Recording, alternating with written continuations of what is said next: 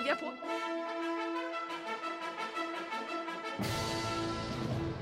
Everybody be cool. You be cool. Right, you ready to have sex? We come in peace. We come in peace. You are the motherfucking Antichrist! We're gonna let you go, okay? Ok. Film er best på radio. I'm gonna make him an offer he can't refuse.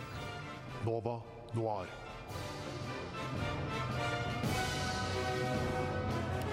Hjertelig velkommen til denne eh, sendingen av Nova Noir her eh, 22. desember 2016. Dette er årets siste eh, Nova Noir-sending, men eh, vi eh, tar, eh, skal ha en ganske fullspekka sending allikevel med anmeldelser av ukens eh, kinopremierer. eh, to av de i hvert fall. Eh, og så første time i dag blir liksom litt eh, en helt vanlig Nova Noir-sending, mens andre time så skal vi eh, ta det ned takk og eh, kose oss med litt juleprat. Julekos. Ja, Ja. Prat om julefilmer og sånne ting. Og som du sikkert har skjønt, eh, kjære lytter, så er det ikke bare jeg, Adrian Holm, som sitter her i studio i dag. Eh, jeg har med meg tre eh, trofaste kumpaner. Og til min høyre side sitter Julie Katrine Oskar Andersen, Vi har også med oss taleråd, Og Miriam Folla. som også kjører som tekniker i dag. ja, er også tekniker i dag. God Eh, innsats. God stemning. God stemning. Apropos stemning, har dere julestemning, folkens? Nei. Jeg har Nei, litt. det var Jeg har veldig litt, trist. faktisk. Har du, Adrian? Litt grann. Ja. Hver, gang jeg våkner om morgenen og åpner eh, kalenderpakken Har du fra kalender? Ja, Da får jeg også julestemning, fordi Adrian Ja, det sender alltid til meg. Hva. Så det er liksom med på å lage julestemning. Men jeg, jeg tror det henger mye sammen med at det ikke er snø. Og men Ja. på Ja. én side syns jeg det er litt greit, for det er ikke så kaldt. Og det er litt sånn Jeg slipper å gå med Mm. stillongs, og det syns jeg er deilig. Men på den annen side hadde det jo vært hyggelig med snø på julaften. Men jeg bakte pepperkaker i går og hørte på julemusikk. Da kom det litt stemning, men Mm. ikke så veldig. Jeg feirer eh, eh, julaften i dag, jeg, faktisk. Gjør du det? Jeg gjør det. Med familien din? Med familien min, fordi foreldrene mine jobber uh, kveld på eh, lørdag. Så da blir det prematurfeiring i dag. Det er sånne noble mennesker som driver hele samfunnet, de som jobber på julaften. Ja. Ja, fy fader. Så sett pris på dem. Mm. Ja, Hvis du skjærer ribba og plutselig kapper av en finger, det er de som møter deg i døra. Ikke sant? Fordi noen Da må er mamma der og er sykepleieren. Riktig. Mm. Sett pris på det. Men du har ikke julestemning også, selv om det er i Nei, dag. det er litt kanskje spesielt derfor, da. Fordi det er så før alle andre og sånn. Så. Men Men jeg har jo tatt med gløgg i dag. Ja, jeg håper det det, hjelper hyggelig. litt. Det hjelper litt. Eh, og litt twist, som jeg føler er alltid det man får av Ja. sånn tanter og onkler i julegave. Får man Så det i julegave? Har ikke du Mm. fått det? Ja, men jeg har en laktoseintolerant. Det hadde jo vært sånn ekstra ekstra fuck you og bare Her har du en pose med sjokolade. Men mamma får det hvert år, og hun er laktoseintolerant. Hun får liksom alltid masse sjokolade. Så er hun sånn. Har du fulgt med? Ja. Vet du hva det er? Enten Ja, ja. du har uh, julestemning eller ikke, kjære lytter, skal vi prøve å få deg litt julestemning. I hvert fall i andre time i dag, når vi går over på vår prat om julefilmer. Uh, men uh, vi har som sagt et tettpakka program før det, så vi kommer i gang med første låt, vi, tror jeg. Og det er uh, Lill Dicky og Brø. Det var Lill Dicky og Brø, en Bra, bra. ganske kul låt fra hans nyeste album, 'Professional Rapper', som kom i år, faktisk.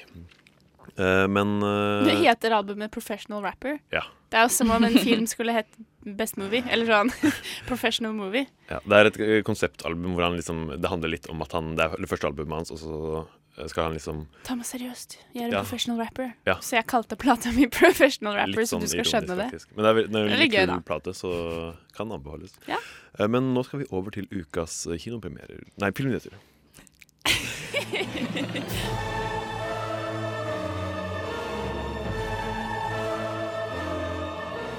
Well, hello, Mr. Fancy Pants. I got news for you, pal. You ain't leading but two things right now Jack and shit. And Jack left town. Nova Noir gir deg ukas filmnyheter. Det er selvsagt eh, filmnyhetene vi skal til eh, først. Og eh, Tale, du har tatt med deg en nyhet, vet jeg. Ja, mm, nå har det seg sånn at Sun Media skriver at eh, prosjektet Martin Scorsese har med Leonardo DiCaprio er oppe og går, og det er på beina, og det er jo selvfølgelig Devil in the White City. Murder, Magic and Madness at the Fair That Changed America. Som nå skal begynne å produsere, eller komme i produksjon. For det har vært uh, under liksom litt sånn prat og uh, Skal- skal planlegging. ikke- Ja, fordi da uh, Leonardo DiCaprio kjøpte rettighetene til Devlin White City i 2010, så har, det har gått tid, og ingen vet helt hva som har skjedd. Det er også en bok eh, skrevet eh, av eh, en Erik Larsson. Erik Larsson, Mm. stemmer. Om um, seriemorderen H.H. Holmes.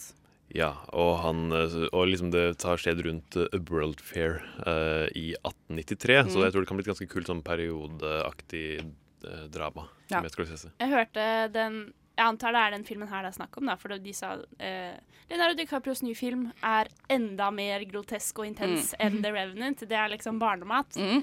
Jeg vet ikke helt om jeg orker å se den filmen. Og jeg gleder meg. Jeg True å crime-entusiasten i meg bare Ja. Å, jeg gleder meg True masse. Jeg tror det blir sykt bra. Jeg ser for meg at det får en mye mer sånn eh, ekkel type Nightcrawler-feeling enn det. Så, så Ja, kan de mener mm. liksom Den er sikkert ikke så grotesk og sånn eh, fysisk ekkel. Den er sikkert mer sånn ikke. Han er jo blitt mer og mer intens med tiden. Men det er litt sånn, du har fått en Oscar. Du kan, kan slappe av litt. Gi deg. Men jeg det syns jeg er gøy at han kjøper rettighetene til filmer som han har lyst til å lage med seg selv, da, antar jeg, i Ja. hovedrollen ofte. Ja. Da Altså- blir han vel sånn En form for produsent, gjør han ikke det? Jo, Men det er vel ganske vanlig, er det ikke det?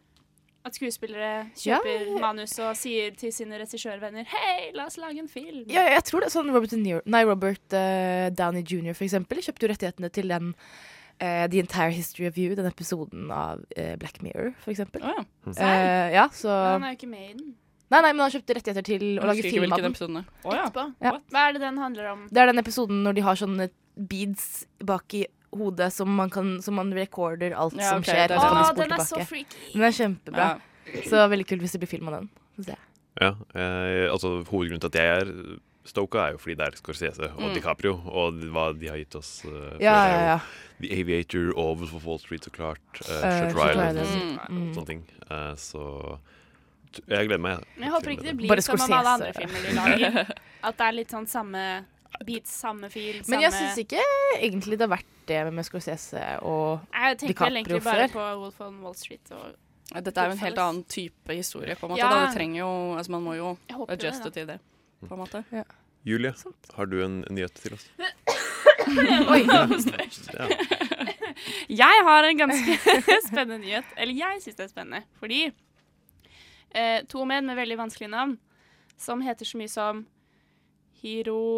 Hiromasa Hiromasa, ikke Mm. Hiroshima, som jeg holdt på å lese. Hiromasa Yonebayashi, som er tidligere regissør hos Studio Ghibli, skal lage en ny film under et nytt studio som han og hans kompis Yoshiaki Na... Nei. Nishimura. Unnskyld. ja, sånn er det. Ja. Eh, de har lagd et nytt studio som heter Studio Pronok, nei, Ponok. Og de har sluppet en trailer for deres nye film. Og jeg er superstoked, for nå er jo eh, eh, Miyazaki for sånn åttende gang pensjonert Ja. på, på ekte, sånn ish. Så det er jo studio kommer til å leve videre, sikkert, men dette er jo litt en spennende utvikling, da. Men jeg vil bare ha mer film jeg lagd av de menneskene, så jeg er for så vidt fornøyd. Jeg vet ikke om jeg helt fikk med meg Altså Lagde de et nytt studio utenfor Studio Ghibli? Eh, Ja, de har, de har grunnlagt et nytt studio. Ok. Og de skal, hva, er den nye filmen? Studio? Ponok, den nye filmen, det er litt sånn De vil ikke være for uh, eksplisitt om hva den handler om, fordi de har sluppet en litt sånn mystisk trailer. Men, Er det hun med det røde håret? Ja, det er, men den uh, tror det skal hete 'Mary and the Witch's Flower'.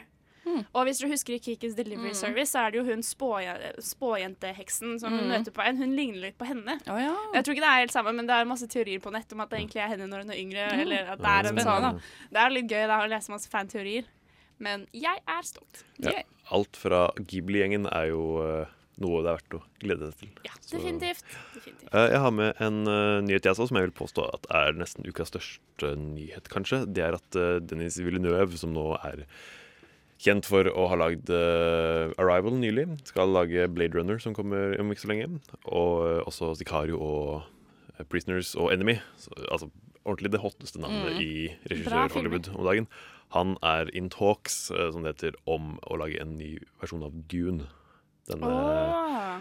klassiske bokserien. Um, Det er en dokumentar om den kjente den- Jodorowskis eh, Dune, Ja. som Mm. aldri ble realisert, men som er liksom et av de mest Mm. um, kompliserte, ambisiøse hadde forsøkene vært- på å lage film. Ja, Så det hadde vært veldig kult om man, lagde, om man gikk for den varianten, liksom. Ja. Den Jodorowskis eh, gamle skript og design og sånn. Jeg tror kanskje ikke det kommer til å skje, eh, for det var en grunn til at den filmen ikke ble lagd. Um, Penger, ja. Ja. Men Blade Runner kom jo i Blade Runner 2017. Ja. Jeg så traileren. Mm. Det er jo Ryan Gosling, da. Eh, og, og Harrison Ford dukker opp. Jeg syns det så veldig bra ut. Ja, Jeg men jeg vet jo mange som er veldig skeptiske, da. Som er litt sånn trengte verden enda en remake. Eller det er jo ikke en remake, men enda mer Vi har en franchise, den gjorde det bra, la oss Yep. bare lage flere filmer. Så jeg har jo håpet, da. Jeg vil jo at den skal være kul. Mm. Vel, ting er at jeg tror at Villeneuve er det noen som kan klare det, så er det Ja. han. På en måte. Uh, og derfor er- Gosling. Ja. det hjelper. Det hjelper. Uh, og derfor tror jeg også, har jeg også store håp for denne Dune-filmen. Ja. Mm. ja, det var en stor nyhet. Jeg er spent. Miriam, har du noen nyheter på tampen?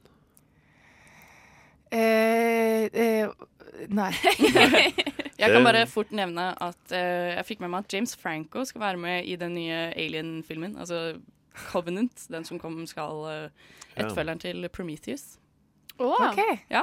Det er vel en stund siden. Det er Ja, det er det. Jeg hadde liksom glemt Prometheus, men sånn, de, de la jo veldig opp til at Ja, det skulle ja, komme en nettfølger, så det her er da skipet Covenant som kommer um, til det samme stedet som de var i Prometheus, sånn etter de har vært der, da. Sånn at de tror at det er sånn herre um, paradisplanet, Ja. men så er det ikke det, og så er David der.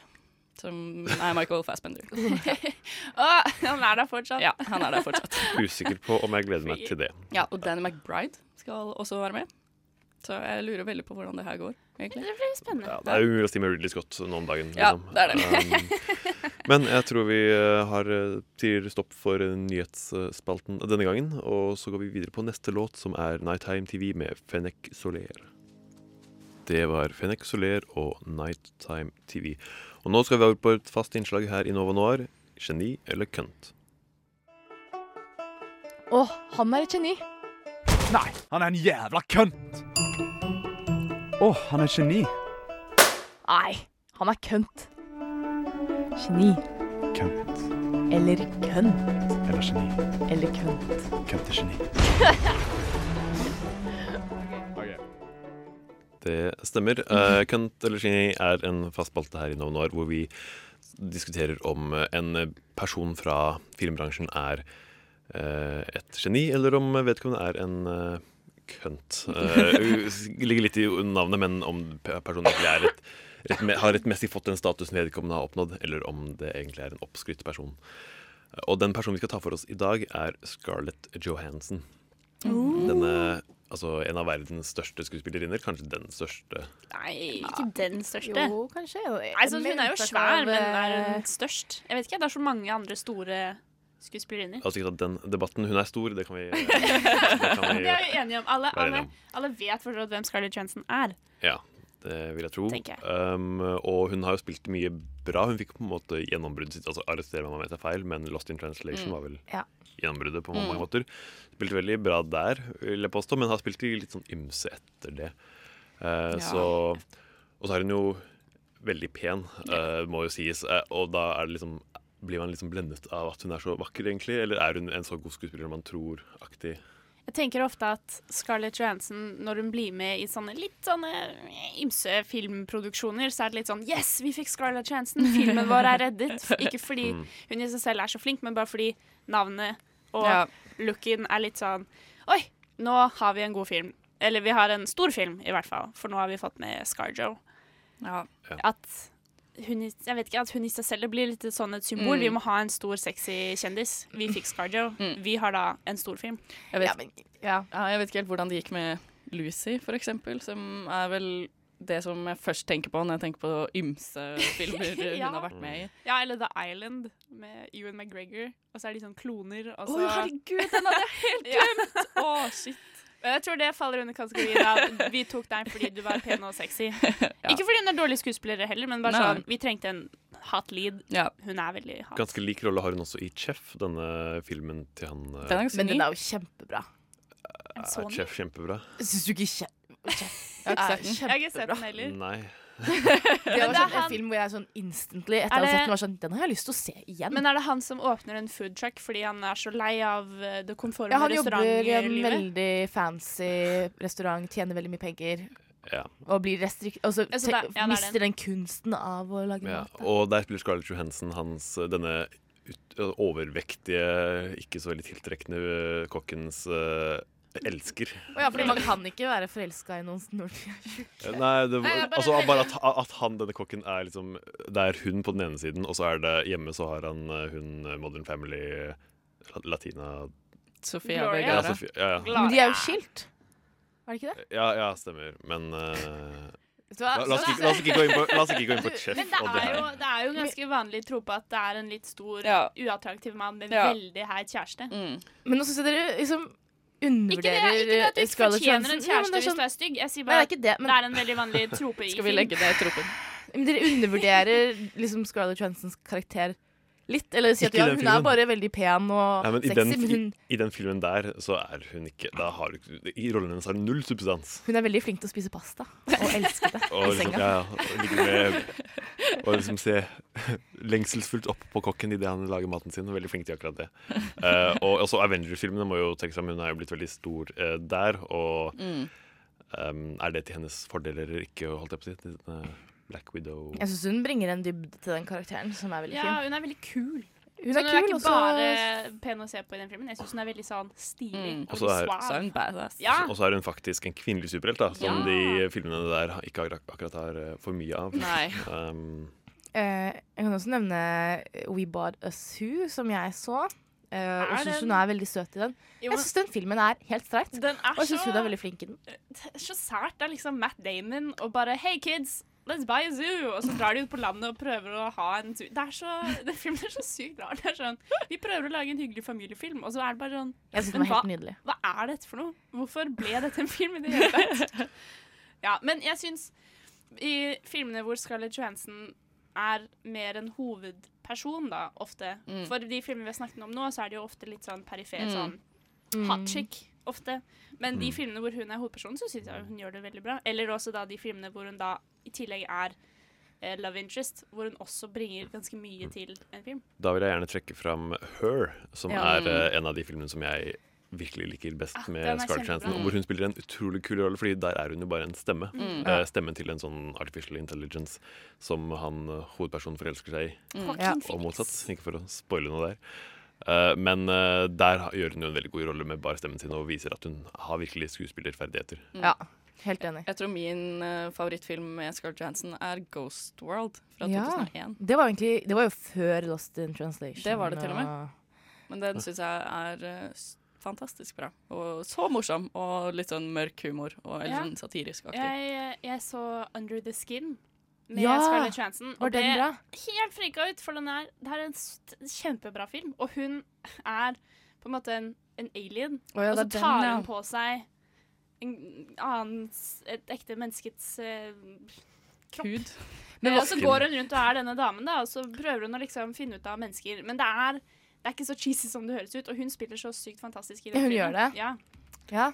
Når man kommer inn på dette temaet her da, om så må man nesten trekke fram Ghost in the Shell-rebooten Ja. hun er i nå. Ja. Hvor hun har, eller, altså, filmskaperen har fått litt der, uh, kritikk for at det er whitewashing. En japansk uh, figur som uh, får en eh, hvit skuespillerinne. Nok en gang. Burde uh, Scarlett Johansson ha sagt nei til den rollen og bare vært litt over den whitewashing? Men jeg tenker det er jo ikke hennes avgjørelse å putte henne i den rollen. Så det er ikke hun som burde bli forstått kritisert på det på en måte. Og når du er kvinne i Hollywood over en viss alder, så kan du liksom ikke komme her og si nei til hva som helst heller. Men altså OK, det, unnskyld, men det er jo ikke sånn at det, det er ikke sånn at noen bare regissør sier 'Jeg vil ha Scarlett Johansson, hent henne', og så kommer hun bare sånn 'Ja ja, jeg får bare gjøre det'. Altså, alle filmer, selv de største filmene, har en intensiv eh, per, eh, periode med auditions. auditions, og du kjemper for den rollen, altså. Så hun har jo gått veldig hardt inn for å få den rollen, og hun fikk den. Eh, og det kan hende regissøren hadde henne i tankene, men ikke at hun bare «Å ja, Jeg må jo ta den her, for jeg må jo fø meg selv og barna mine. Nei da, Hun har jo penger. Men hadde de andre asiatiske skuespillere i den miksen? Eller, for det er jo ofte hvor de ikke har det i det hele tatt. Nei, og, det, og det er jo veldig synd. At Så- de ikke leter etter det engang. At de er bare sånn Ja, men vi har Ja, de det vet man jo på en måte ikke noe om, da. Nei, jeg kan Men jeg ikke føler det har, litt med, det har litt å gjøre med hvordan de utfører det. på en måte. Altså, sånn, jeg kan ikke så mye om Ghost in the Shell, jeg har ikke sett noe av det tidligere. Sorry.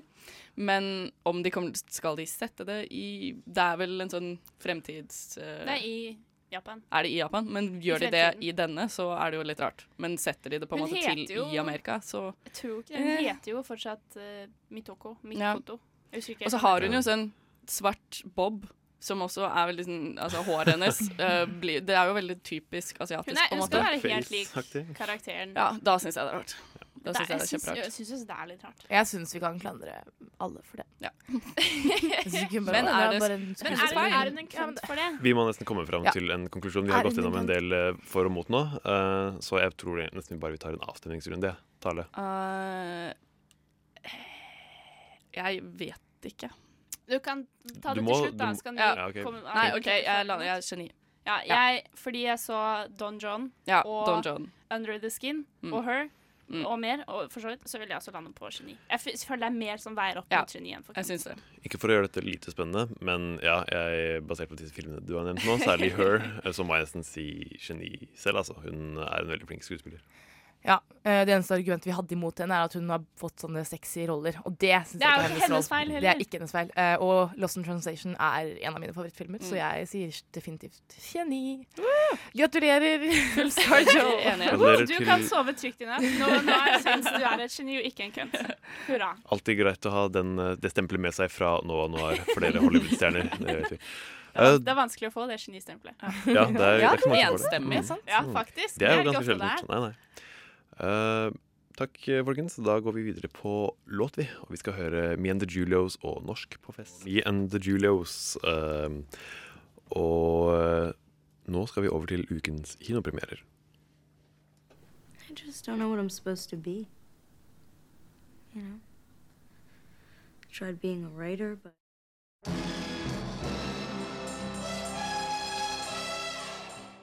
Ukens kinopremierer.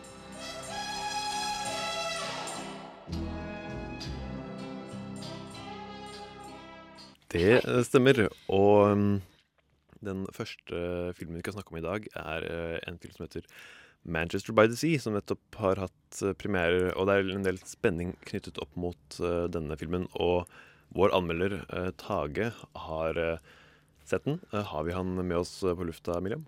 Tage, hører du oss? Hallo? Tage! Tage. Dette er et eh, sjeldent uh, telefonintervju her på uh, No Noir. Um, for du fikk Spesiell. ja, Dette er en, eh, ganske unikt, Tage, så store forhåpninger nå. Uh, Ja, don't fuck it up. Kan du bare kjapt eh, gi- oss en eh, forklaring på hva Manchester by the Sea handler om? Eh, Manchester by the Sea handler om eh, Casey Affleck sin karakter som heter Lee, som jobber som vaktmester i Boston. Um, filmen starter med at vi følger hans litt sånn monotone hverdag eh, på jobb, Uh, hvor han virker som en sånn hardtarbeidende og pliktoppfyllende fyr, men man finner sånn fort ut at han bærer på mye innebygd sinne og uh, er litt sånn emosjonelt ødelagt. da. Og så en dag så får han telefon om at uh, broren hans er død. Og da blir han nødt til å ta vare på sønnen hans, som heter Patrick. Og det er egentlig det filmen handler om. da. Og man merker også at det er et eller annet som har skjedd med i, i hans hjemby, som eh, fortsatt på en måte hjemsøker han litt. If you could take one guy to an island with you and you knew you'd be safe because he was the best man, he was going to keep you happy, if it was between me and your father, who would you take? My daddy. I think you're wrong about that. Hello, this is Lee. What happened to my brother? So that's Lee Lee Chandler. I don't understand. Which part are you having trouble with? Well, I can't be his guardian. Well, your brother provided for your nephew's upkeep. I think the idea was that you would relocate. Relocate to where? Well, if you Here? look, it was my impression that you'd spent a lot of time here. I Ja. eh, da hørte vi traileren. Den høres veldig fin ut. Mm. Sånn veldig hjertefølt film. Ja. Var det det? Eh, det var det, men tingen er at uh, Det er en veldig sånn uh, Hva kan jeg si Den er en veldig sånn emosjonell film, uten at den blir sånn sånn melodramatic. Um, um, Lee, han Casey Affleck, han må jo ta vare på um, Hvor blir det? Nevøen? Eller? Ja, nevøen sin Patrick, som spilte av Lucas Hedges. Hvor gammel er kiden? Kiden han er vel sånn 16, og eh, um, han finner ut at, uh, at broren hans har liksom planlagt at han skal være den nye på en måte på Guardian, da. Men det har han ikke snakket med Casey Affleck sin karakter om. Og hele filmen handler egentlig om at um, hvordan Eller han har ikke, klarer ikke å være Guardian pga. noe som har skjedd, og eh, og det, hele filmen handler om på en måte hvordan han dealer med det å komme tilbake til hjembyen, der det helt klart er et eller annet som fortsatt hjemme. Det er noen vonde minner. Det er noe som har skjedd. Okay. Det høres ut som dette er en sånn film som hviler veldig på skuespillerprestasjonene. Åssen uh, er det i denne filmen? Jo, det er utrolig bra skuespill. Uh, Casey Affleck sin karakter, han på en måte er en sånn fyr som snakker veldig lite, og han liksom klarer ikke å nesten klarer ikke å cope med å være rundt andre mennesker, virker det som. Men samtidig så er han Du får liksom Du, du skjønner at han er en veldig sånn bra fyr innerst inne. Han, eh, og det som er så bra, er at eh, Casey Affleck klarer å uttrykke så utrolig mye følelser, og eh, du på en måte hele tida skjønner hva han føler og tenker, uten at han egentlig sier så mye. Og ehm, og så er det Michelle Williams som spiller um, ekskona hans. Så du, hennes karakter ser du mest egentlig via flashbacks, men henne også. De leverer så utrolig bra, fordi Jeg kan liksom ikke si Hvorfor eller hvordan? scene uten å ødelegge egentlig filmopplevelsen, men jeg vil bare si at når man sitter i, i salen og ser på filmen, så bare sitter du og bare Du føler alt, liksom, uten at det blir sånn overdramatisk og sånn der eh, klissete eller sånn typisk amerikansk Hollywood uh, us useriøst. Det det minner meg om egentlig litt, det er litt sånn, sånn jeg føler når jeg ser P.T. Anderson-filmer. At du får liksom den ekstreme emosjonelle tyngden Mm. uten, den, at, uten at mye blir sagt. da. At det er liksom Det hviler på skuespillerne. Eh, men det jeg tenker på med P.T. Anderson, er jo også det visuelle. Uh, og det lurer jeg veldig på når det kommer til Manchester by the Sea, fordi jeg, jeg bare ser for meg at det skal være veldig vakkert. Eh, hvordan var det? Jo, så jeg føler nesten at eh, den byen er en slags karakter i filmen seg selv. Fordi han bruker mye tid på, å sette opp eh, hvordan det ser ut der, og atmosfæren og stemningen. Og eh, faren til han Patrick, han som dør, han er jo en sånn båt som de kaller, som heter Manchester. Men byen, byen heter også Manchester. Men eh, jeg føler også at det er en sånn havneby, og de bygger opp byen som, ja, som en del av karakteren. Og eh, rent sånn visuelt så er cinematografien veldig på en måte minimalistisk. At han bare setter stativet opp og Bare lar deg se på, liksom. lar deg se på. Og jeg syns det er veldig effektivt for den type film, for du føler at du bare er en slags flue på veggen som bare opp, eller bare ser på hele historien utfolde seg, da, istedenfor at det er veldig mye sånn visuelle Hva kan jeg si Visuelle teknikker, da. Den, den visuelle stilen passer veldig godt til historien. Og det blir heller ikke kjedelig, fordi at det som skjer i bildet, er liksom så ærlig og på en måte raw, da. Det er sånn, Du føler virkelig at dette er en veldig sånn ærlig portrettering av hvordan det er å miste et familiemedlem, og hvordan man på en måte coper med det, da. Jeg begynner å ane at du er ganske positiv til eh, Manchester by the Sea-taget. Eh, har du noen konkluderende tanker og en karakter, kanskje? Eh, ja, så jeg føler at um, dette er kanskje en av de beste filmene som har kommet ut. Jeg vet ikke om den kommer ut på norsk kino i år, eller om den kommer ut over nyttår. Jeg tror den kommer på fredag nå. Ja, den, jeg føler at det er en sånn film som all, alle burde se. Det er sånn, jeg føler at det er så mange Oscar-filmer som har sånne gode rolleprestasjoner som fort blir glemt. Men jeg føler at det her er en sånn film som eh, kommer til å være relevant i lang tid. Da. Og eh, jeg vil si at det er liksom en av de absolutt beste filmene jeg har sett i år. Så jeg vil gi den her Jeg, jeg vil gi den Går det an å gi ni og en halv, eller? Nei, vi tar hele karakterer her, Tage. Okay. Ja, men hvis det er hele karakterer, da må jeg gi den ti, ass. Fordi den var Wow. Det er lenge by the Sea. lenge Eller siden. du ante meg litt, da, når du sa Det noe Du en eh, ti av eh, ti. Jeg, jeg, jeg føler at uh, liksom, ingen, ingen av, jeg, ikke jeg har hørt så mye om Casey Affleck før. Alltid tenkt han er litt sånn lillebroren til Ben Affleck og that's it. Men uh, jeg føler at den filmen her kommer til å virkelig vise hva han er god for. da. Og Sette ham på kartet. Williams. Ja, sette ham på kartet, rett og slett. Det er uh, utrolig bra, Hm. rett og slett. Utrolig gøy at vi fikk en eh, ti av ti anmeldelse i årets siste. Eh, Tusen takk for anmeldelsen, Tage. Bare Eh, da anbefaler vi alle å se Manchester by the Sea, uh, og Tage går god for at dette er en filmopplevelse du sent vil glemme. Uh, vi går videre i programmet med neste låt, The Dogs og Oslo. Det var vår egen Kristoffer Schou og The Dogs med låta Oslo. Og nå skal vi videre i ukas kinopremierer. Kinopremierer.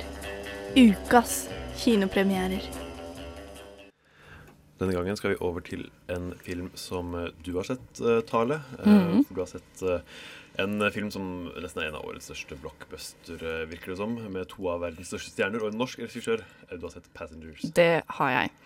Uh, Passengers handler om Jim Preston som er om bord i skipet Avalon for å reise til en ny planet på en reise som tar 120 år, men han våkner 90 år for tidlig.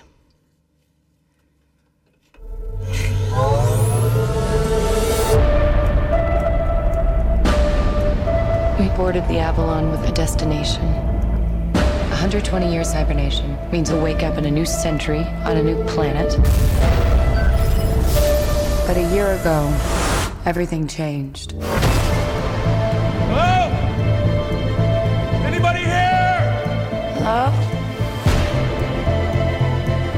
Do you know what's going on?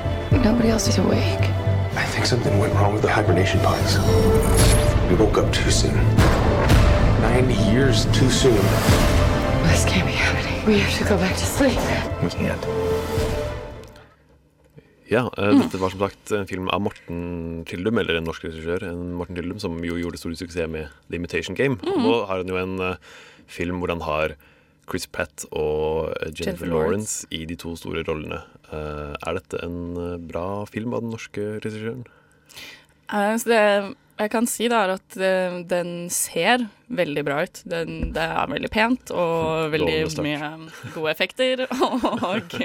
Og Det var veldig imponerende. Masse ja, penger. Ja, masse Ja, penger. mye penger. Veldig mye penger brukt på den filmen her. Det syns. Um, en ting jeg kan kommentere litt på, er kanskje kjemien mellom Jennifer Lawrence og Chris Pratt, som jeg ikke syns var så Jeg kjøpte det ikke helt. Nei. Ja, For du har også sett denne filmen, Ja, Julie? jeg så den også. Ja, jeg tenker at altså, disse to skuespillerne, Cruise Pratt og Jennifer Lawrence, er på en måte de hotteste Mm. navnene i, i Hollywood nå. Altså, mer eller mindre, da. Altså, vi snakket om at Scarjo kanskje er verdens største kvinnelige skuespiller, men Jennifer Lawrence er kanskje den som tar den tittelen. Ja, i hvert kanskje. fall On The Rise. Ja. Eh, Ganske, har vært på on the rise ganske lenge nå, Mm. Ja, føler jeg. Så de er veldig store, da. Og så funker ikke kjemien mellom dem. egentlig. Jeg syns ikke det. Altså. det man, fikk, man ble liksom ikke kjent med dem. Man, det var ikke noe dybde. Nei, det, var, lite, bare um, lite plass for å finne noe personlighet. Mm. Eh, og når filmen var så lang og hadde Ja. så mye plass generelt til så mye tilfeldige ting for Ja. å liksom bygge deres forhold, da, så ble det litt, litt platt, rett og slett. Spesielt med tanke på at de er jo alene, er de ikke det? Eh, I rommet. De var ikke alene i et romskip, bortsett fra robotbartenderen som de Ja. sasser med iblant. Altså, det, det er de tre. Men det, er- det jeg tenker jeg lurer litt på, da, er at fordi de syns jeg virker veldig like skuespillerne, i hvert fall. eh, og har liksom veldig morsomme Mm. eh, på hver sin måte. Eller egentlig Mm. ganske like på lik måte også. Ja. Så var de morsomme i filmen? Nei, filmen morsom? Jeg vil ikke egentlig si det. Nei. Det var så merkelig Ja, altså, litt sånn. Nei, jeg syns ikke det. Men jeg syns det var så merkelig, for jeg leste en artikkel um, tror det var Dagbladet, som uh, påsto at uh, de hadde så innmari god kjemi. Og jeg skjønner ikke helt hvor det kom fra. Og så hadde de i intervjuer da sagt at de kom så godt overens, og de hadde det så morsomt liksom av settet og Men tror du de um, bare refererer til at Chris Pratt på Instagram tok sånne bilder som han halvveis hadde med Jennifer Lawrence og sa 'me and my bestie', Jen. Så jeg kan, jeg kan tro på at de kommer godt overens i virkeligheten, Mm. men på filmen, er hvis, når de skulle spille uh, kjærestepar, så var det ikke helt troverdig. Og jeg tror kanskje det var nettopp det, at det var et kjæresteparforhold, ikke bare kompiser. Ja, det er det, det, det Eh, jeg får litt ikke- um, Når jeg har sett dem i intervjuer sånn, at de virker som om han er storebroren hennes. Mm. Er det jo litt rart å filme en sexscene sammen. Sånn jeg kan skjønne at det da var litt sperrer der. Nei, det var unaturlig. Ja, det var, det var ganske Ja, unaturlig. men så det er liksom, Det blir jo problemer med skipet, da. Det er jo eh, på en måte derfor Det har vi vel sett i traileren også. Det kom jo ganske klart frem i traileren at det er noe gærent med dette skipet, da, som eh, på en måte gjør at, eh, ja, gjør at de våkner og sånn. Så får de jo også besøk av um, kapteinen, eller hva Ja, han det? Hva slags ja, crew eh, Lawrence Fish, Fishburne, Ja. Fishburne i hvert fall. Dukker opp Ja. på et tidspunkt. Så det er liksom, de får en, eh, en til person å forholde seg til, bortsett fra dem selv. Men utover det så er det bare de to. Jeg tror utgangspunktet til filmen var på en måte å eksplorere litt temaer som ensomhet, isolasjon, eh, og hvordan reisen kan bety mer enn destinasjonen. Jeg, helt, jeg kan skjønne at det var det de prøvde på, men de fikk det ikke helt til, vil Nei. jeg si. Så jeg er litt sånn usikker på Fordi i traileren så virket det veldig som sånn action science fiction, men så er det jo Jeg føler meg litt Den er litt misledende, den traileren. det er Ganske misledende. Den er veldig, veldig tung vekt på romantikken mellom de to, da, eller romansen de, de har, og det blir veldig, veldig drama. Og det, når det da Science ikke liksom. virker helt optimalt, så er det litt sånn Det er det du valgte å lene filmen din på. Mm. Også da det visuelle, eh, for så vidt. Men i seg selv så holdt det ikke, da. Kan noen kommentere på tittelen? 'Passengers'? Har dere tenkt på det? Hva er det det betyr? De er jo passasjerer på det skipet. Ja, men Er de passasjerer, eller jobber de på skipet? Nei, de er passasjerer. De er passasjerer. På en måte Premisset er at um, de betaler penger for å kjøpe en billett. De har 5000 uh, mennesker om bord som Ja. skal uh, flytte til en ny planet da, for å liksom Homestead 2. Ja, for å Ja. starte et nytt liv. Sånn at da Det er ikke det på på, eh, det er ikke det at jorda på en måte går under, men det er bare sånn De har muligheten til å flytte en ny, ja, ny person, jorda nei, er ny planet. overbefolket, og det er slitsomt. Og Ja. hvorfor ikke det heller bare flytte til denne flotte, vakre eh, naturplaneten med Ja. fjell og skog, hvor du kan få så god plass og være så rik og ha snobbete du bare vil. I så fall så er det en utrolig dårlig tittel. Kanskje, kanskje den er litt sånn skal kommentere på et eller annet, Nei, Det, nei. vers, det lengste jeg kan strekke, det er vel at du bare er passasjer, men du må liksom ta kontroll over din egen retning, Mm. eller For ting er jo ikke sånn som de hadde tenkt når de våkner opp, for de kan ikke legge seg tilbake i hibernation. Så de Mm. må, det er jo poenget, da, at har du våknet, har du våknet, og det er 90 år til man er fremme, så det starter jo litt med at å nei, livet mitt er ødelagt, nå er jeg stuck. Nå er jeg på et romskip. Helt alene. det er 90 år til jeg får se mennesker. men den høres så kul ut på papiret, men den var ikke veldig kul. Men har den noen liksom altså, Noe som er bra med den, da, bortsett fra det visuelle? Liksom, er det noe man kan Klærne var kule, og settet var kult. Og det var pent å se på. Jeg blir veldig fort freaka ut av sånne store maskiner og Ja. rom og space. Bare sånn generelt, så hver gang det var du fikk se hele det skipet, så fikk jeg bare sånn sykt sånn ekkel følelse. Sånn cringe. Men det er meg, da, for jeg har litt greier. Men det så veldig pent ut. Men var manuset godt skrevet? Regien? hvordan? Altså, det er liksom ikke så mye å si, for det var bare helt standard, middelmådig. Det var ikke helt forferdelig, Litt- men det var ikke ganske mye utrolig bra. kleine replikker litt sånn corny greier. Å nei. You die, I die, som hun sier Ja. i traileren. Det var litt sånn Sier hun 'you die, I die'? Jeg sier det, ja, hun sier det i traileren. Jeg er litt sånn teiteste i ja. Og så hadde jeg litt- problemer med bare hvordan plottet var lagt opp. Ja, det hadde jeg veldig dårlig med. dramaturgi, Vi går måte? ikke for nøye Nei, vi kan ikke spoile det. Nei, Men eh, Men har dere noen uh, avsluttende tanker om Passengers? Ikke gå og se. Nei, sånn, ikke bruk penger på Nei. det. Med mindre noen inviterer deg med og spanderer billetten på Ja. deg, så se den til den Du kan få se den på andre måter. Burde man se den, da? Hvis den kom på Netflix? Ja, Er det sånn, hvis ja, du er interessert den? i det, så er det Jeg jo for så vidt Jeg syns nesten ikke det engang, jeg. Oi. Er du nysgjerrig på den? Jo, jeg skal ikke si hva du kan og ikke kan gjøre. Jeg, jeg er glad jeg fikk sett den i en eh, i regi av Nova Noir, så jeg Ja. slapp å på en måte Ja. tape penger og timer og energi på å gå og se den ellers. Fordi det er faktisk sånn jeg hadde godt tenkt meg å Ja. kjøpe kinobillett til den før jeg så den. Ja, jeg hadde jo det òg. Da blir det ikke noen god karakter eh, fra dere, skjønner jeg. Nei. det gjør det jo ikke. Jeg eh, tror jeg vil gi den fire av ti. For det var på en måte Det er pent å se på, det var liksom spennende i seg selv, men ja, men jeg, jeg syns det er en dårlig karakter. Nå Ja. skjønte jeg at jeg var litt uh, Skjønte Ikke det var tilfellet. Kjempedårlig! Av ti. Alt, alt under fem er dårlig å få. Når du har så Ja. mye penger og energi lagt i en film som skal gjøre det så bra, så får du fire av ti. Det er som å få to av seks. Det er jo kjempedårlig. Syns jeg, da. OK. Men hvis dere ikke syns det var strengt nok, Nei, nei, nei. så Altså, det er opp til deg, selvfølgelig. Tale, hva er dine tanker? Um, ja, tre av ti. Nå fikk jeg liksom gruppepress her. litt sånn- Ja. Hadde du også gitt den fire? Jeg, hadde også, jeg har gitt den fire på MDB, men når jeg sitter og snakker om det nå og tenker på det, tre. OK, tre, da. Hvis det får deg til å ikke gå og se den. i. Det er jo opp til det. Men sånn, det, er ikke, det er ikke håp om at den er bra, så ikke gidd. Dere var litt usikre her, men jeg gir den en offisiell eh, tre av ti-stempel, er basert på deres Ja. ord. Så Se heller Manchester by the Sea. se hele Manchester by the Sea, Mm. eller en annen god sci-fi-film som fortsatt går på kino her og der, 'Arrival'. Sci-fi-film. yndlingsfilm. Ja, nesten. Um, la oss uh, gå videre til neste låt.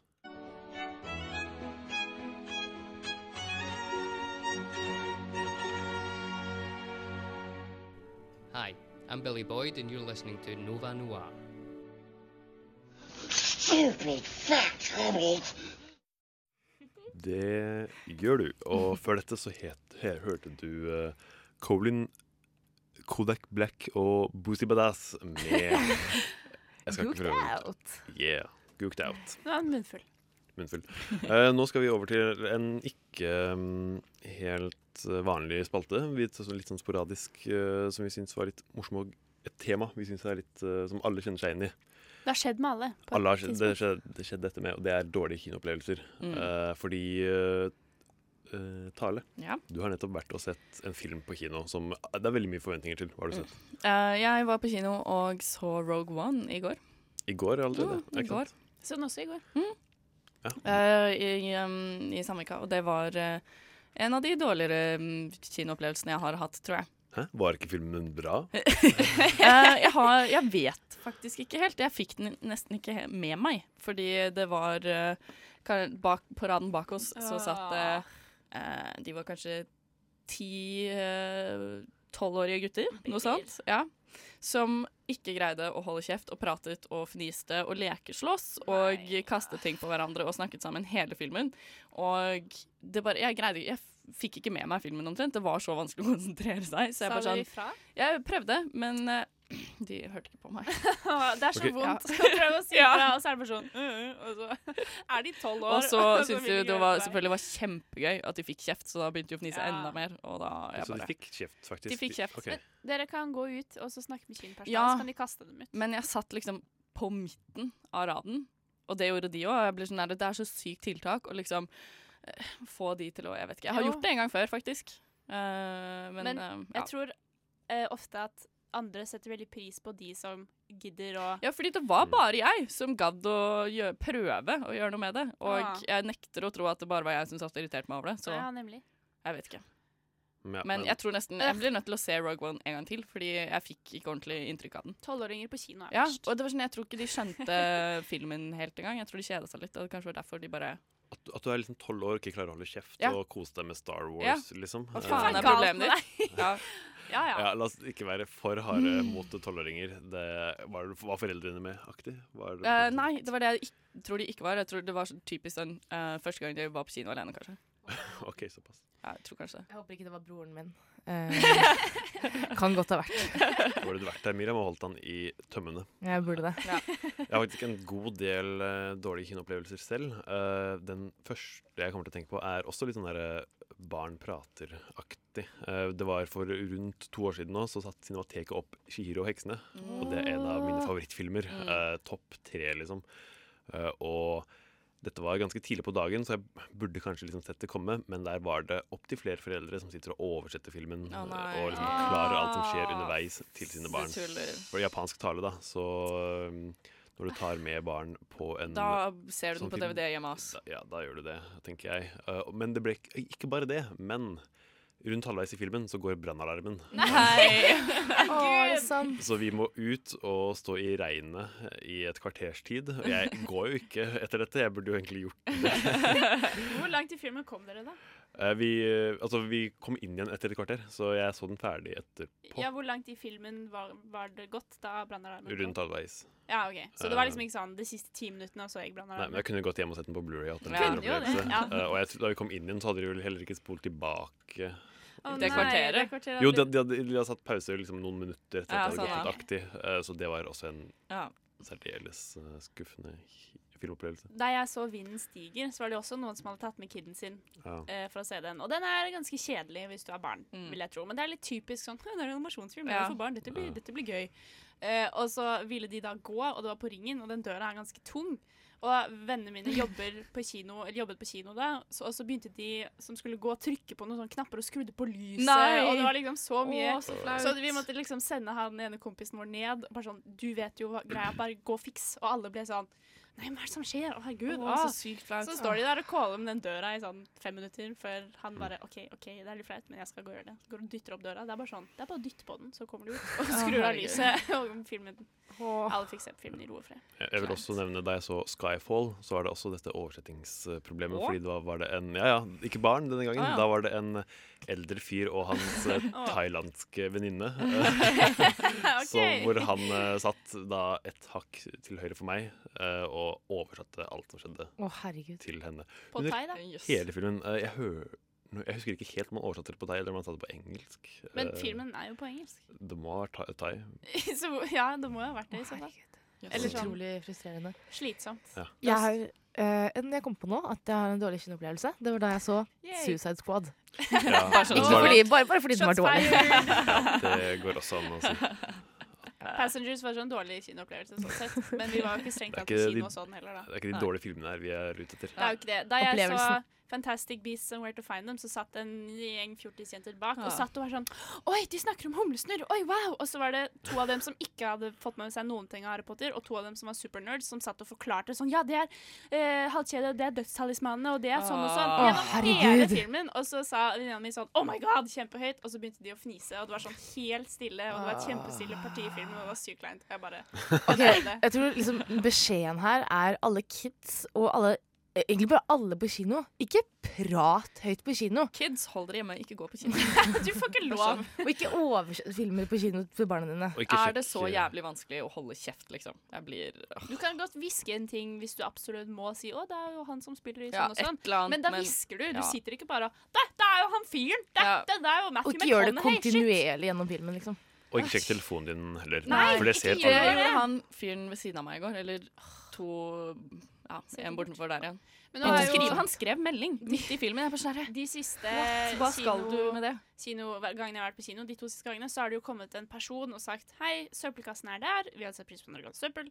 Eh, og ikke ta opp mobilen din. Da er du dusj. Det Ja. sa jo ikke akkurat det. Men jeg tror de har begynt å få mennesker til å gå og si det før Ja. hver visning, for da kan du, føle litt litt mer ansvar hvis det bare kommer den der eh, Ja. videoen på Vi støtter det. Jeg vil kjapt legge til en siste dårlig kinoopplevelse jeg har hatt, og det var da jeg skippet roligdansen på juleballet i 10. klasse eh, for å rekke, rekke fram til nattpremieren på Avatar. Eh, Nei! og, og da var det ikke lyd de første 20 minuttene av filmen. 20? Nei! Ja, ja. Eller det var sånn, det var en lydkanal som spilte som la noe sånn ambient musikk, men det var et eller annet feil med lyden, så vi hørte ikke liksom, dialog eller noe sånt de første 20 minuttene. Men var det noen som gikk og sa ifra før? Jo, jo, men de, de jobbet med det på spreng sånn, i 20 minutter-aktig. Men fikk dere noe kompensasjon for det? Nei. Burde jo fått en gratis kinobillett Viktig spørsmål. Var det Avatar med de blå menneskene eller Avatar The Last Airbender? Avatar med de blå menneskene. Okay. Så Litt bedre. litt bedre, men ja, ikke så Jo, jeg vet ikke. Plottet blir kanskje litt borte de første, hvis du ikke skjønner hva de snakker om de første 20 minuttene. Det var ikke så farlig. Vi hadde tekst, da. så Ja, ja, ja, ok. Ja, godt poeng. Um, takk for uh, at dere delte, folkens. Uh, det var skal vi- vanskelig. Ja, uh, det er d- vanskelig å bringe tilbake de ferdige minnene. Ja. Nå skal vi over på den andre timen av dagens sending, og da skal vi som sagt ha et mer juleaktig tema. Så nå går vi rett i gang med Danny Elfmans What's This?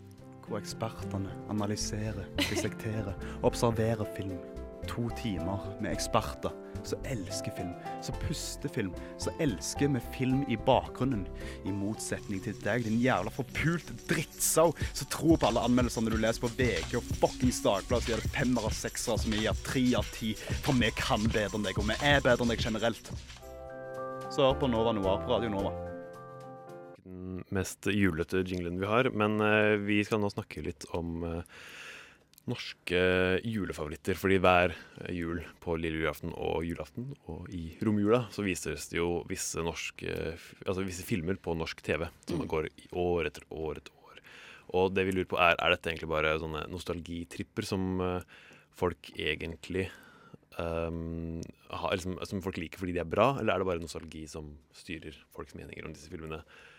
Uh, og da vil jeg starte med 'Reisen til julestjernen'. Det er jo en film som går Den går vel tidlig på julaften? Ja, den går på morgenen på julaften. Jeg har aldri sett den. Har du aldri sett den? Du får jo, nå er det jo en gyllen mulighet, da. Nå er det jo ikke noe å gjøre på julaften. Nei, det er sant. bare sitte Jeg kan bare sitte og TV, sitte på TV. Rettere sagt, nå kan du lære om du skal bør se på Ja, denne filmen eller ikke. Ja, fordi du har da et u... eh, Altså ufiltrert, holdt jeg på å si. Ufarget. Ufarget syn på den. Fordi det var det, ja. Jeg, Det er sånn, jeg har sett biter av den, men jeg tror aldri jeg har sett hele. Har sett biter Ja. av sånne julefilmer. Ja. Ja. Eh, men eh, seg. man skal, få det, man skal ikke se noe av de når det går Mm. på TV. Men Julie, Jeg syns den den er så koselig. Du gjør det? Og så eh, I min familie så har vi alltid hørt veldig mye på hørespill og lydbøker og sånn. Og det er mange av de skuespillerne som er med, så stemmene deres betyr litt sånn ekstra nostalgi for meg, da. For det er på en måte barndom. Men se, der sa du det. stor Ja, B. der sa du Så jeg kan ikke, jeg, kan ikke, jeg er kjempefarget, eller sånn min mening, så jeg kan ikke egentlig påstå om den er bra eller ikke. Jeg bare, jeg ser den hver jul. Og spiser sandkaker i senga, så jeg, jeg digger den. og det er fine sanger og sånn. og nissene, de er kjempesøte. Jeg mener. Nissescenen er kul. Jeg skal Ja, de har bart og sånn mørke stemmer, og det er bare helt fantastisk. Ja, Nissescenen er jo det mest minneverdige fra Jeg hadde sånn lue. Sånn nisselue med Ja. hals og sånn lang bluse. Til jeg gikk i sånn sjette klasse. Det var egentlig litt flaut når jeg tenker på det, men jeg digga den. For det som er gøy med den sin, er jo at det er masse små barn som Å, ja. eh, er dubba med en voksne stemmer. eh, Og så er de bart og sånn. Ja. Og skjegg. Det er kjempegøy. Så det er litt gøy, faktisk. Ja, er. Men eh, altså, når du ser den filmen, så er det et altså B-teaterstykke som er filmet uh, liksom med veldig lavt budsjett og middels skuespillere. Ja, det er OK Og- kostymer, for så vidt. Ja, men ikke sånn hvordan det er filmet og lagt opp og pacing og Det er litt rart. Ja, Men det er jo gammel òg. Du kan jo ikke være for kritisk. Vi burde på en måte teste dette på uh, Tale, som Ja. har sett den. uh, om denne filmen er uh, god eller ikke. Men jeg innbiller meg egentlig at du ikke hadde likt den fordi den er Kjedelig. Ja, den er litt kjedelig og litt lang. Og Altså, det eneste meg- som er ja. kos, er når man hører den sangen, så er det sånn Å, den sangen kan jeg.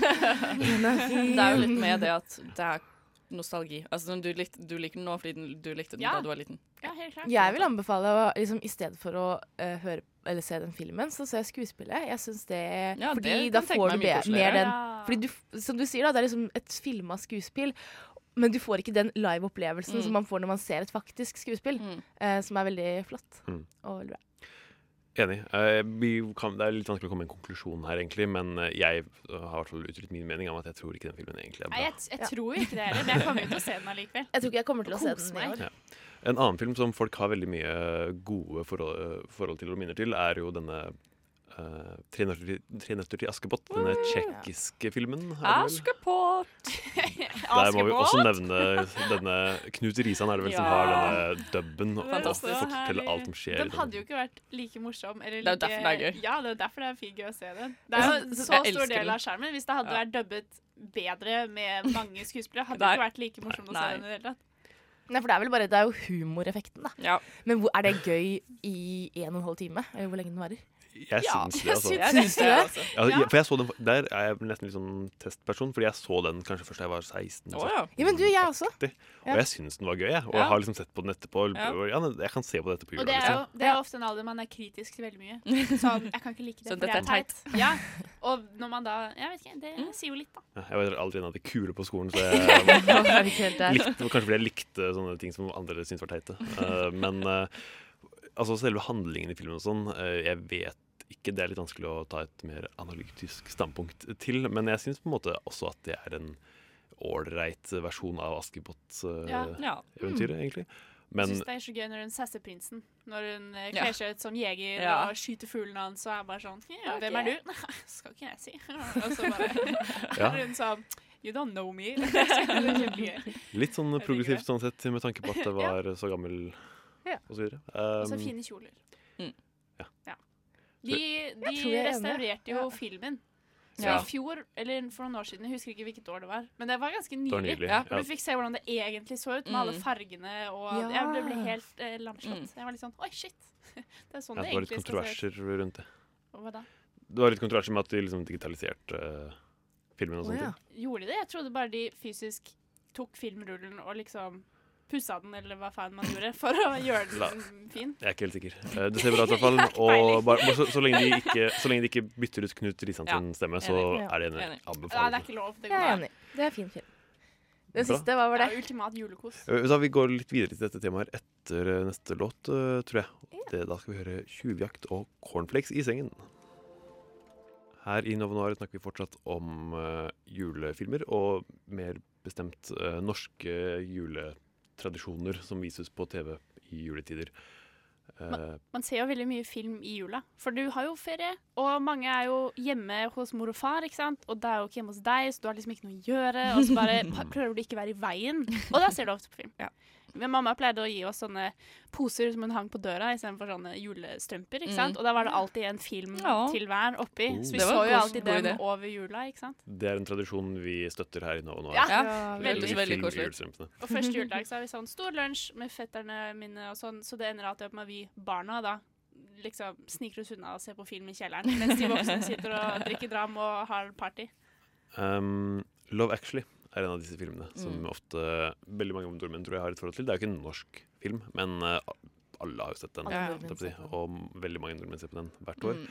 Uh, er det egentlig en god film? For jeg, jeg har lenge trodd det, men så Ja. hører jeg liksom fra folk rundt meg at den ikke Jeg egentlig er så bra. Jeg er helt enig. Det er akkurat det som har skjedd med meg også. Jeg trodde ganske lenge at den var eh, bra.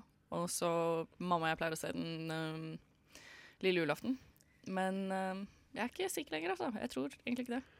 Jeg, har- jeg leste på det store internett at noen mente at The Holiday teknisk sett er en bedre Mm. julefilm enn Love Actually, litt fordi den er litt hyggeligere og litt mer Jeg romantisk. og liker litt mer The Holiday, faktisk. ekte enn Love Actually. Og Ja. Love Actually har jo startet den Jeg vet ikke om det var den som startet det, men du fikk de andre filmene. Var Det var jo New Year's Eve Ja. og Mother's Day og Ja, ja. Altså de kjendisspekka Ja, som var Sånn altså antologifilmer på en måte som handler om en høytid.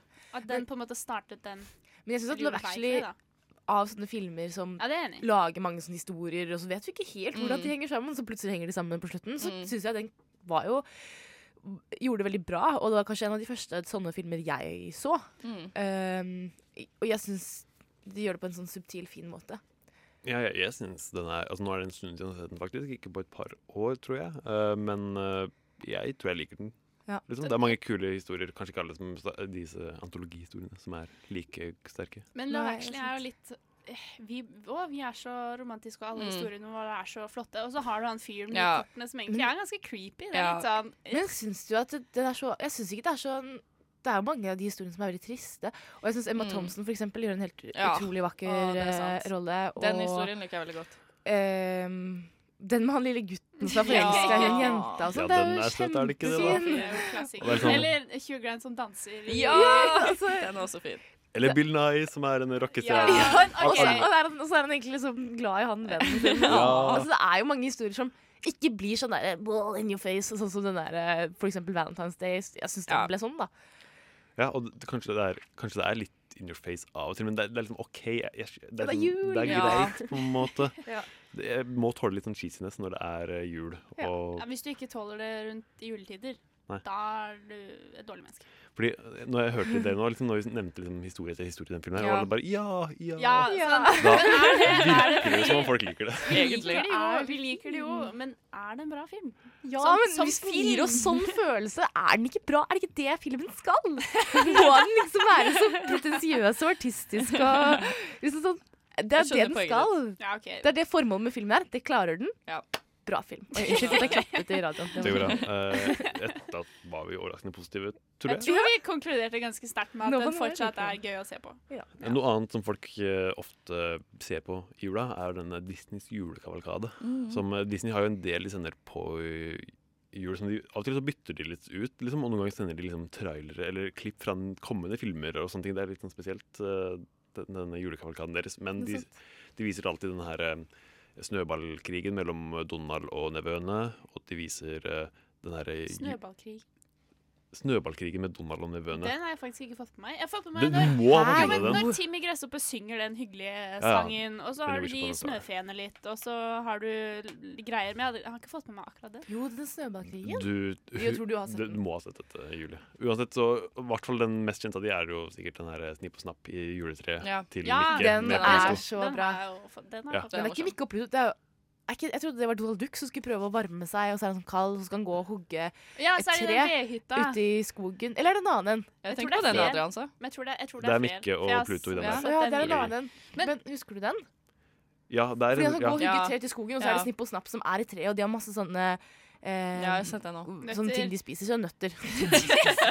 Eh, og så prøver han å hugge den, og så er de sånn Nei, de prøver å få er han til å ikke gjøre det. Og så, Ja, jeg husker Ja. den og så lager han en sånne, og så lager han en snøball og kaster den og sånt. Ja, ja, stemmer. Det er, det er flere som sagt her, Det er- ja, og de mange, bytter litt på hvert år. eh, Og det er litt rart, men jeg synes det er en veldig kul tradisjon, Fordi da kan vi liksom få de vi er mest kjent med, Mm. som man får hvert år, uh, som Snøballkrigen, som alle har sett, uh, Julie, uh, og Snipp og Snapp-episoden. Pluss noen nye ting hvert år, da, så mm. det holder det både fresh og nostalgisk samtidig. Det er vel også den med Donald, og så er han fotograf i jungelen, og så er det den Ja. fuglen som ødelegger alt. Ja, ja, som ikke har noe med julen å gjøre, men som Ja, jo, men vises den, den går Ja, ja, også hver, hver jul. Er- Så det er veldig gøy at de også viser ikke nødvendigvis bare julete, tematiske Jeg er veldig lite glad i Mikke og Donald og hele det. Disney-universet der. er Ja. var, var du glad eller lite glad? Veldig lite glad. Hæ? Ja. Og- Men akkurat det der syns jeg er koselig. Sånn det som er julen. Men synes, ok, eh, fordi en jeg må nevne da, er den som er en eh, deres versjon av A Christmas Carol. Ja. Ja. eh, hvor eh, Donald Duck er Scrooge. Og Nei, så, Nei, Scrooge Skrue er er Scrooge. Scrooge. Selvfølgelig er han Scrooge. Eh, hvem er det som er han ånden? Uh, oh, nei. Det, Det det, er vel litt Det varierer litt. ja, jeg tror, jeg tror de bytter. Det er tre Ja, tror Og en er langbein, og en er svartepetter, eller et eller annet. Og litt sånne ting. Ja, ja, Ja, ja. stemmer det. Men den, den er faktisk Mikke- veldig god adaptasjon av det. Ja, den er kjempebra. kjempebra. Så er det jo Mikke som er den fattige familiefaren som jobber Ja. for uh, Skrue, og som har Mm. lille Tim, eller faen, som Ja. er syk og dør? Ja. Spoiler! Ja. Det er skikkelig trist, faktisk. Fordi denne Timmy, da, sønnen Ja. til Mikke, dør hvis ikke Sk- Skrue gir han liksom race og sånne ting. Og, og Skrue kommer til helvete hvis han ikke er snill eller aktiv. Så det er ganske brutal, eh, men veldig god adaptasjon. Av, Var det noen som så Muppet-versjonen? Av den? Nei, jeg syns den virker så sykt skummel. Ja, jeg også, den jeg var- kom husker på bare- trailer og sånn. Ja, jeg jeg- husker det hadde på traileren på VHS. Ja, ja, ja. Den så så skummel ja. Nei takk. Uansett hørtes det ut som vi likte både Love Actually og Disneys eh, julefilmer på, i juletiden. Men jeg Så føler også at, vi at Harry Potter også er litt sånn julete. Ja, for det går alltid det på sånn TV. Norge og sånn. Ja. så Spar vi kommer inn på ja, okay, jule, ikke- flere julefilmer senere. Uh, men akkurat nå så snipper vi opp denne dette oppgjøret med norske julefavoritter. Så den eneste vi virkelig ikke likte, er jo vel da Reisen til julestjernen. Ble vi bestemt? ja, selv om altså, vi, Vi ser det jo likevel, men vi- det er ikke bra. Det er så klart lov å like Reisen til julestjernen. Får lov, det er greit. Vi gir deg Selv lov. om vi vet bedre enn deg. Selv om vi vet bedre. Eh, vi går over til Lottie. Dette er Kaizers Orchestra og Action. Don't let me finish. It can now be heard. Okay. I'm not fucking finished in the back of the voice and the voice now. Will, I'm still not finished. Nova Noir. Vi er ikke ferdige ennå. I can't go fast because Michael Caine talks very, very slowly. Det stemmer, vi er ikke helt ferdig ennå. Før dette hørte du uh, Kaizers Orchestras eh, cover av Jokkes Action. Uh, Jokke er jo en uh, artist som veldig ofte spilles i jula, men uh, vi gjorde en litt annen vri på det nå, med en Kaizers cover av en ikke-jule-jokkesang. Um, uansett eh, så skal vi nå høre et innslag fra Andreas Kittelsen. Eh, vi har nettopp tatt et oppgjør med norske julefavoritter, så hvis det er noen der ute som eh, tenker at de er litt sånn lei av eh, jula og liksom den vante norske i uh, julestria, så har eh, Andreas Kittelsen noen anbefalinger som du bør få med deg. Jula er rett rundt hjørnet. En høytid som markerer et lyspunkt i en ellers mørk og kald tid. Men det mange ikke vet, er at en annen høytid feires samtidig. Nemlig antijul. Antijula feires ved å drikke seg full, høre på bråkete og negativ musikk, være sur og ikke minst se anti-julefilmer. Og siden Nova Noir er et filmprogram, har vi plukket ut noen filmer for deg som kunne tenke deg å bytte ut mistelteinen med giftig eføy.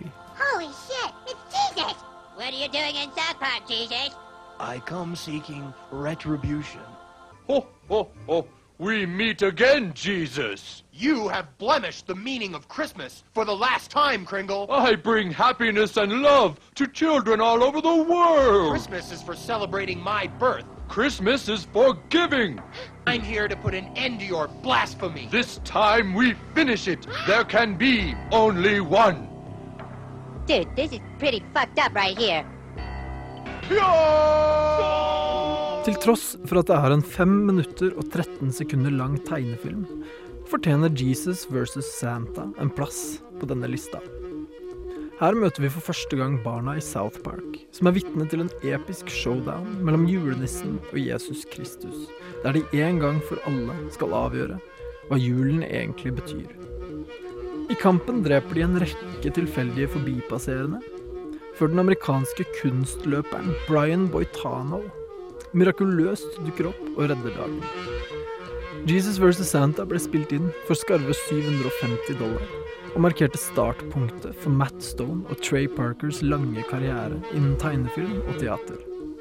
Til tross for at den henfaller til enkel situasjonskomedie, er det også en poengtert og surrealistisk satire, og kanskje den morsomste blasfemiske filmen som har kommet siden Monty Pythons Life of Brian. How dare you burst in on me like this? It's Christmas Eve. I'm having dinner with my family. I need you to help me out. This is a matter of life and death, and it's not going to wait till Thursday. You understand that? All right, what's it about? I want to know the connection between the elves and the Nazis. There are two schools of thought. What are they? One, the Nazis experimented with elves as assassination teams. Small, easily hidden, silent, vicious. They have magical powers. They can't be hurt or killed. They eat anything. They're a perfect soldier. The problem is, there's no such thing. What else is there? Tell me some more. Theory two. The elves were a genetic engineering experiment. Each elf was to house the haploid gene structure in its sperm cells to produce the master race. Once again, magical powers can't be hurt or killed. Driven to select the genetically perfect human mate, the proverbial virgin, of course, holy midnight consummation on Christmas Eve. Wait a minute. Tonight, you mean. Plottet i den tidløse antijuleklassikeren Elves fra 1989 kommer tydelig fram i eksposisjonsscenen vi nettopp hørte et klipp fra. Filmen dreier seg altså om et par jenter som vekker til live en nazistisk alv, som deretter prøver å voldta en jomfru ved midnatt på julaften. Kort sagt, et av filmhistoriens aller, aller beste plott. Elves er full av morsomme sitater, elendig skuespill og enda verre dataanimasjon, og er en trygg anbefaling for folk som liker dårlige filmer og som hater jula. Here, Jimmy. It's Santa. Oh, fucking right. Let's tell him what you want for Christmas. I'm on my fucking lunch break, okay? Are you insane? Å jobbe som julenisse på et kjøpesenter i USA er en skjebne verre enn døden. Uheldigvis for Billy Bob Thornton gjør han nettopp dette i filmen Bad Santa. Så da er det kanskje ikke så rart at han fyller dagene med alkohol mens han venter på muligheten til å rane kjøpesenteret der han jobber. Bad Santa ble regissert av Terry Svigoff, som tidligere hadde laget bl.a. Ghost World og Crumb, og beholder den dystre pessimismen fra disse to også i denne filmen. Bad Santa er notorisk for sin ekstremt grove munnbruk, og innehar faktisk rekorden for mest banning i en julefilm. Ordet fuck dukker f.eks. opp 170 ganger i den usensurerte utgaven av filmen.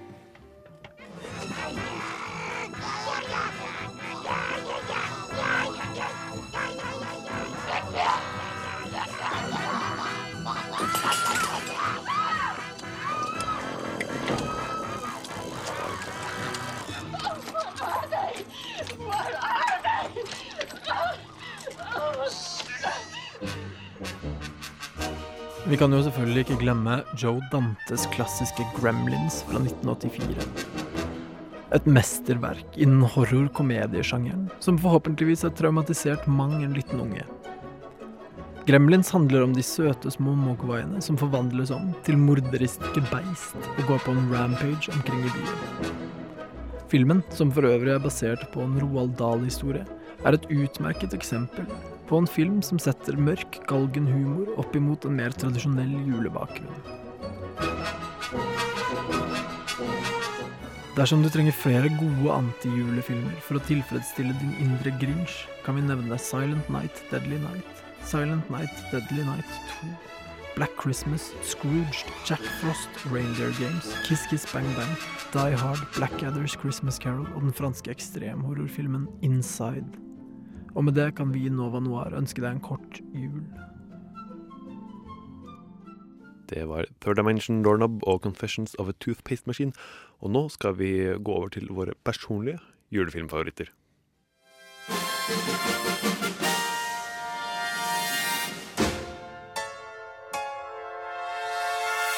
Lister. Er den dårligste filmen i hele filmens historie. Rangering. Du er den dårligste filmen i hele historien. Jeg skal gi deg dårlig, jeg. Topp ti. Fight Club, hallo. Topp fem. Keanu Reeves er jo best. Ikke mene det. Æsj. Nova Noir. rangerer. Vi kommer jo ikke utenom uh, å snakke litt om de julefilmene som vi liker best. Så jeg tenkte at vi alle kan ta i hvert fall én film som vi er veldig glad i selv, og se i jula. Uh, ettersom vi nå har liksom gått over uh, hvilke film som Hvilke er obligatorisk julefilm man pleier å se. Ja, så nå er det hvem er deres personlige. Jeg, jeg liker Die Hard veldig godt. Ja, det er litt sånn gjenganger. Det er så klart blir lov å si Die Hard. det Kan godt være basic, du, altså. Er det ikke helt personlig nok? OK. Jo, det er personlig. Det er helt fint sier det. Men, Men hvorfor er, hvorfor er den personlig for deg? Ja, Nei, altså, jeg liker den Det er jo actionfilmer er jo litt Er de mer enn bare en actionfilm, på en måte? Sa du, Adrian? Jeg sa actionfilmer. Actionfilmer. Eh, men jeg liker Die Hard så godt, fordi i starten, da, i hvert fall Du har jo Die Hard 5, som vi ikke kan nevne. Men, Den fins finnes ikke. Den finnes ikke. Eh, men Die Hard hadde på en måte Jeg følte at det var litt en egen actionfilm som gjorde veldig det actionfilmer gjør veldig mye, men de gjorde det på en måte bare best. For Mm. meg, da. Typ cheeky cop, jeg tar dette i egne hender, gjør som jeg vil. Og så har du jo Alan Rickman, da. Men, så jeg men, kan liksom men Julie, hva har dette med jul å gjøre? Nei, det er jo da eh, en, eh, et julebord, antar jeg. Julebusiness-selskap hvor kona til McLean er, på Nakatomi Plaza. Og så er det noen Mm. terrorister, så det foregår jo i juletid. Ja. Og det er snø, så jeg vet ikke. snø, ja, og det er noen julesang som er liksom Ja. kjent derfra som man spiller. Er det ikke det? Det er det, men jeg husker ikke hvilken. det er. Nei. Det er i hvert fall satt i, juletider, og det er en ganske god Sånn koselig film å se i jula. For litt eldre Stemning. Ja. Så den, den liker ja, jeg ja, veldig det er helt innafor. Tale, har du noen? Uh, jeg må se den um, første Harry Potter-filmen. Den Mm, er veldig. Det er liksom ikke en julefilm, men Nei. jeg skjønner veldig godt ja, hva du mener. Det er bare sånn, jeg tror det, Det bare stemning. ble sånn fordi de begynte å sende det på TV i jula. Ja. Så de sender vel alle sånn maraton med alle i løpet av jula, liksom. Og den får, det er jo en del julesender der i snøen Ja, og sånne det er jo ting. jul mens en Ja. gang, liksom, Han- han pakker året, opp på usynlighetskappen Ja. på julen og Ja. sånne ting. Og så tror jeg at det er ikke bare det at de har en julescene, men at hele den magiske Mm. følelsen er litt sånn juleaktig. Ja. Eh, Fordi liksom- Dette var den første filmen til Chris Columbus, og da hadde Mm. han en helt annen tilnærming enn de fikk etter hvert. For Ja. de ble mer voksne og sånn. Det var litt mer den der, å, magi Ja. overalt og veldig sånn Wonder. Ja, Wonder-aktig. Mm. Og musikken Mm. og det liksom Ja, Det er kos. Det er bare, det er bare kos. Det er Kos med stor K. Det er vel samme regissør bak uh, Hjemme alene 1, Ja. uh, som Eller tar jeg feil nå? Jeg tror det er det. Uh, og det er i hvert fall samme uh, musikk. John Ja. Williams eh, Mm. lager jo veldig god, stemningsfull julemusikk i både Harry Potter 1 og Hjemme alene. Og jeg, jeg er ganske glad i Hjemme alene, egentlig. altså. Jeg ser den nesten hvert år. Ja, Um, jeg hater hjemme alene. det var sånn, jeg, Da jeg var liten, så elsket jeg Hjemme alene. Men så begynte jeg liksom å tenke nei, den er teit, egentlig. Men nå har jeg kommet litt tilbake til den igjen. Ja. Fordi jeg syns den er kreativ, og, og en julefilm som liksom Du kan liksom ikke kreve så mye mer av Den, den caterer veldig til barn, da, så klart. Mm. Uh, men hvis du liksom går litt inn i det mindsettet at dette er en film for barn, og jeg var et barn en gang, og det er kult, dette Mm. er liksom en god film på deres premisser, så kan du liksom nyte det basert på det, da.